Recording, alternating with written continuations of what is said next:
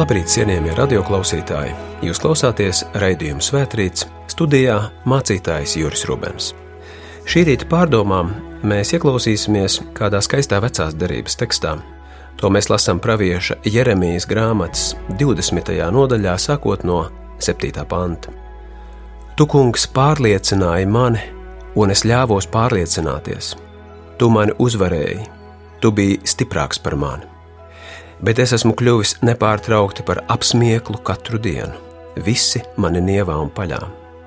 Kad vien es runāju, man jāizsauc un jākliedz netaisnība un varmācība. Tā kunga vārds man sagādājas tikai apsmieklu un negodu katru dienu. Bet, kad es apņemos, es nedomāšu vairs par viņu un nerunāšu viņa vārdā, tad ir tā, it kā manā sirdī degtu gaiša uguns, kas apņem arī visus manus kaulus un kad es pūlējos to pārspēt, tad man trūka tam spēka. Es dzirdu daudzus jau čukstam, visapkārt briesmas, uzrādiet viņu, apsūdzēsim viņu. Visi mani draugi sagaida no manas puses kādu nepareizu rīcību, varbūt viņš ļaujas apmuļķot sevi, un mēs varam viņam pieķerties, tad viņš ir mūsu rokās, un mēs varam viņam atriepties. Bet kungs ir pie manis, stiprs un varens. Āmen!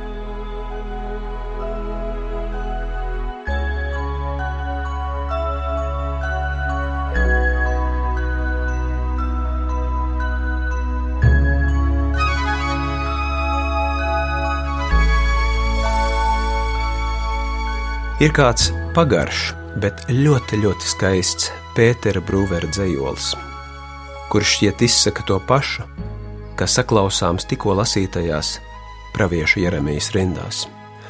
Es atļaušos šo dzējoli nolasīt cerībā, ka Latvijā vēl ir cilvēki, kuriem patīk dzēja un kurus uzrunā dzēja. Šīs rindas skan šādi: Vai dzīvojot pie gariem galdiem smeju, vai tuksnesī no sausām akām smeļu, vai ubagos ar liektu galvu eju, mīl mani dievs gar bezdibeņiem vadot. Ir mana sirds jau simtreiz pušu lausta, es apsēstais, ko karstas liesmas šausta, kas bija man pils, tas tagad vērties graustā, mīl mani dievs gar bezdibeņiem vadot.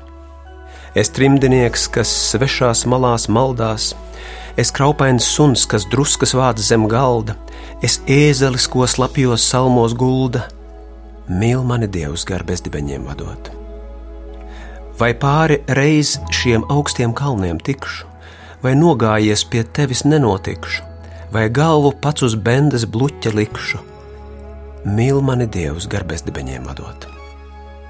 Tu asinis uz zariem ērkšķu krūmam, tu asaras uz vaigiem mūkam drūmam, viss, kas man dots, to devis esi tu man kas mani mīl, gar bezdibeņiem vadot. Ja viņa nav, tad viss vien pīšļu sauja, un pasaule kā aklu suņu gauja. Viņš vienīgais, kas notur klintī kraujām, kas mani mīl, gar bezdibeņiem vadot.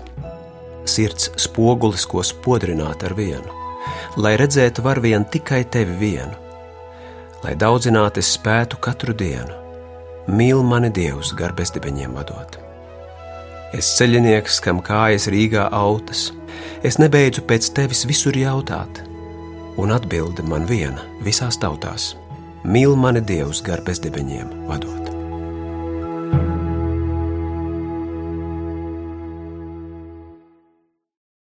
Jā, cilvēka dzīve, kas uzticējies Dievam, viņa dotajai dzīvei, viņa ceļam, Iespējams izsacīt šādā vienā teikumā, kas dzējolī atkārtojas astoņas reizes: Mīl mani Dievs, gar bezdibeņiem vadot. Jā, tieši gar bezdibeņiem, bet ne gar smaržojošām pļavām un cukursaldiem brīžiem, nē, bet gar bezdibeņiem vienmēr ved dieva mīlēta, dieva aicināta cilvēka ceļš. Vēl vairāk, citādi pat nav iespējams. Tā ir īstenība, kas tik krasi izpaužas arī šī viena cilvēka, pravieša Jeremijas liktenī. Ko tad nozīmē būt pravietim vai dieva balsī? Izrādās tā ir ļoti dramatiska pieredze. Pirmām kārtām tas nozīmē izcīnīt cīņu ar dievu. Cik neparasti, arī Jeremija sākumā cīnījies pret šo dieva doto uzdevumu. Pravieša ceļš nav kas tāds, ko viņš pats būtu izvēlējies vai izdomājis. Tas nav nekas kārdinoši pievilcīgs, bet drīzāk biedējošs. Viņš ir cīnījies ar Dievu un paklausījis tikai tad, kad Dievs viņu šai cīņā uzvarējis. Starp citu, ir kāds periods baznīcas gadā, kas kopš senatnes tiek dēvēts par ciešanu laiku, un svarīgi pārdomāt, kāpēc. Tas liek domāt ne tikai par Kristus ciešanu pilno ceļu, bet allaž ciešanu pilno patiesības ceļu šajā pasaulē, ciešanas pilno ceļu pretī autentiskai patiesai dzīvei. Cik gan reti cilvēki par šādu ceļu priecājas, un cik gan bieži sākumā ir sarūktināti vai nobijušies. Tāpēc tieši tāda gar bezdibeņiem vedoša ir šī dieva mīlētā cilvēka, pravieša Jeremijas ikdiena. Kunga vārds man sagādājis tikai apsmieklu un negodu katru dienu, viņš saka.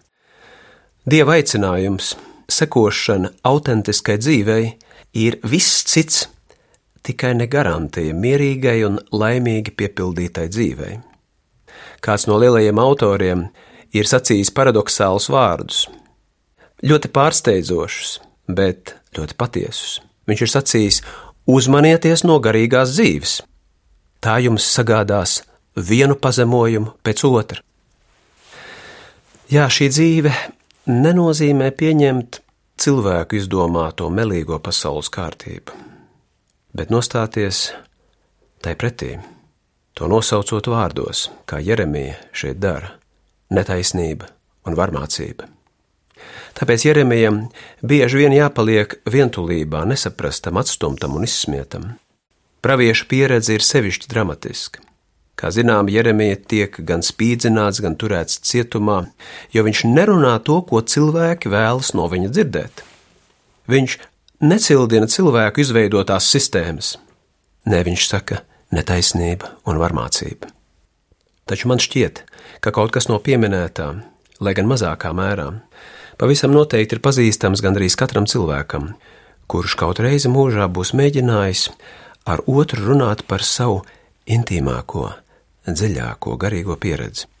Tas ir tāds paradoks, ka tieši runājot par šīm katram cilvēkam visdārgākajām un svarīgākajām pieredzēm, mēs parasti jūtamies visnedrošākie un neaizsargātākie.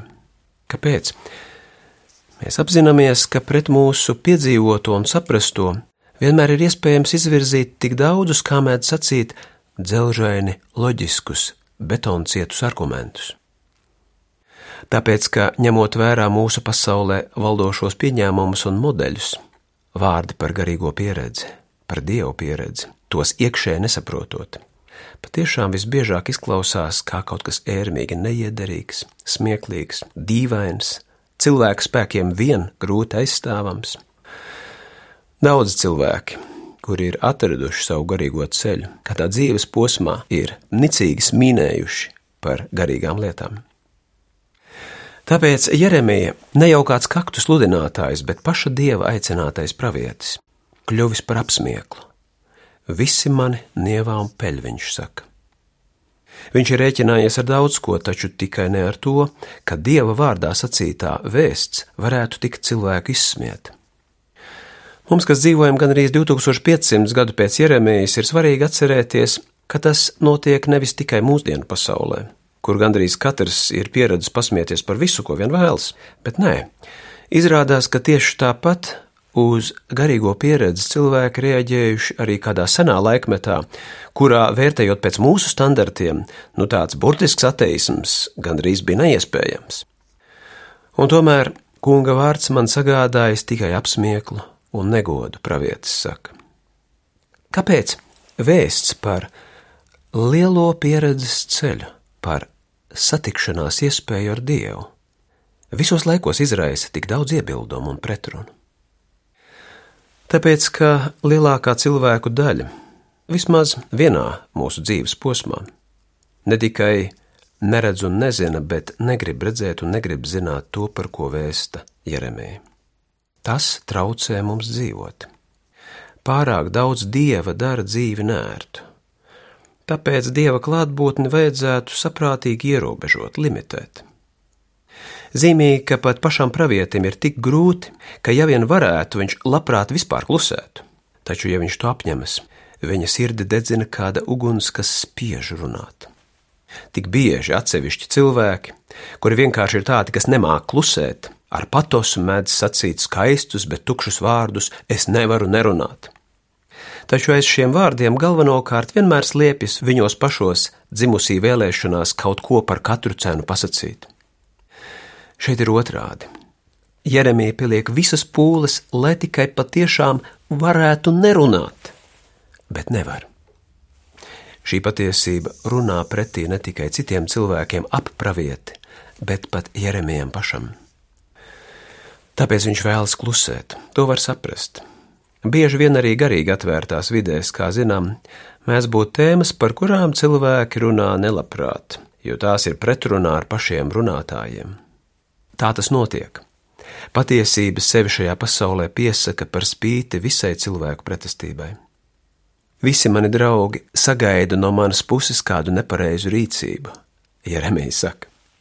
Pravietis jūtas pilnīgi viens, vēl vairāk to vidū, kas viņu izsmēja un gaida, ka viņš izdarīs kļūdas, viņš pamana pat savus kādreizējos draugus. Cik bieži ko līdzīgu piedzīvo šajā pasaulē daudzi garīgās pieredzes ceļa gājēji, jūtot sev pievērstus tuvinieku un draugu skatus, kuri pie sevis saka, nu, varbūt viņam tas pāries. Varbūt viņš attieksies no saviem pārspīlējumiem un kļūs atkal normāls, nu tāds kā mēs visi pārējie.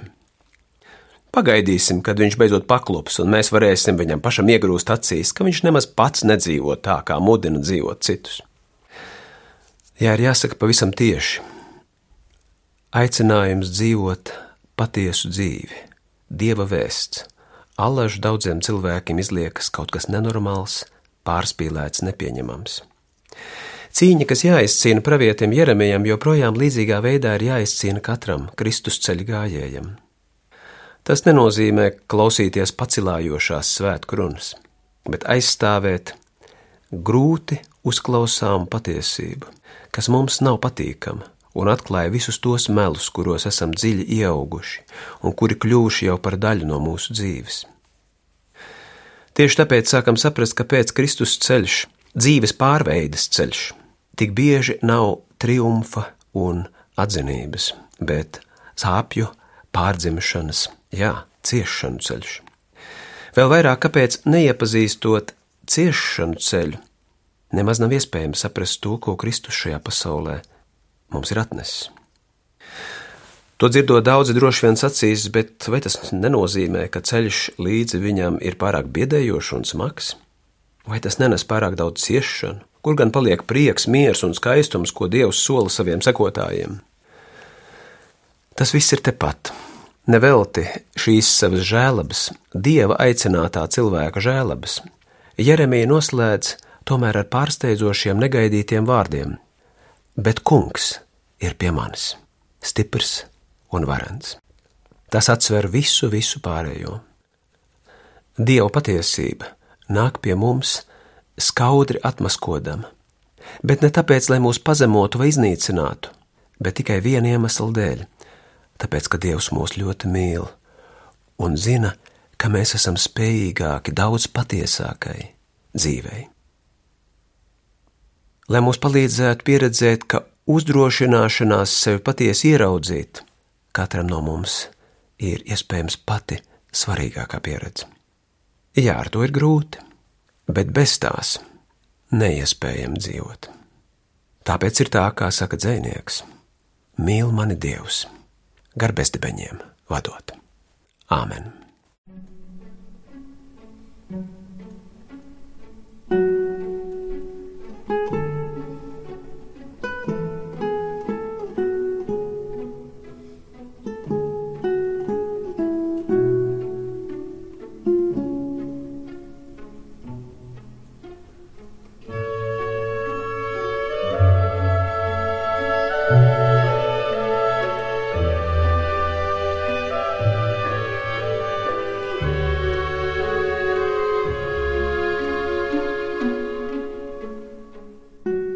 Mēs te pateicamies, debes Tēvs, ka arī mūsu ceļos, kas dažkārt ir veduši gar bezdibeņiem, mēs esam drīkstējuši piedzīvot, ka Tu mūs mīli. Mēs pateicamies, ka Tava mīlestība bieži ir mums atklājusies dzīves skarbākajos brīžos. Mēs pateicamies, ka Tu mūs aicini ceļā, kurā mēs varētu kļūt par patiesiem cilvēkiem, īstenot savu dzīves uzdevumu. Katrs kļūt par tādu cilvēku, kādu tu vēlies mūsos pamodināt. Ļauj mums uzdrīkstēties iet šajā ceļā, ļauj mums pieredzēt šī ceļa skaistumu, lai arī tas ved caur pārvērtības grūtībām. Pavadi mūs, kad mēs noliekam visu sevi tavās rokās, Jēzus vārdā lūdzot. Mūsu Tēvs debesīs, svētīts lai top tavs vārds, lai nāk tava valstība, tavs prāts, lai notiek kā debesīs, tā arī virs zemes. Mūsu dienascho maizi dod mums šodien, un piedod mums mūsu parādus, kā arī mēs piedodam saviem parādniekiem. Un neieved mūsu kārdināšanā, bet atpestī mūs no ļauna, jo tev pieder valstība, spēks un gods mūžīgi mūžos. Āmen!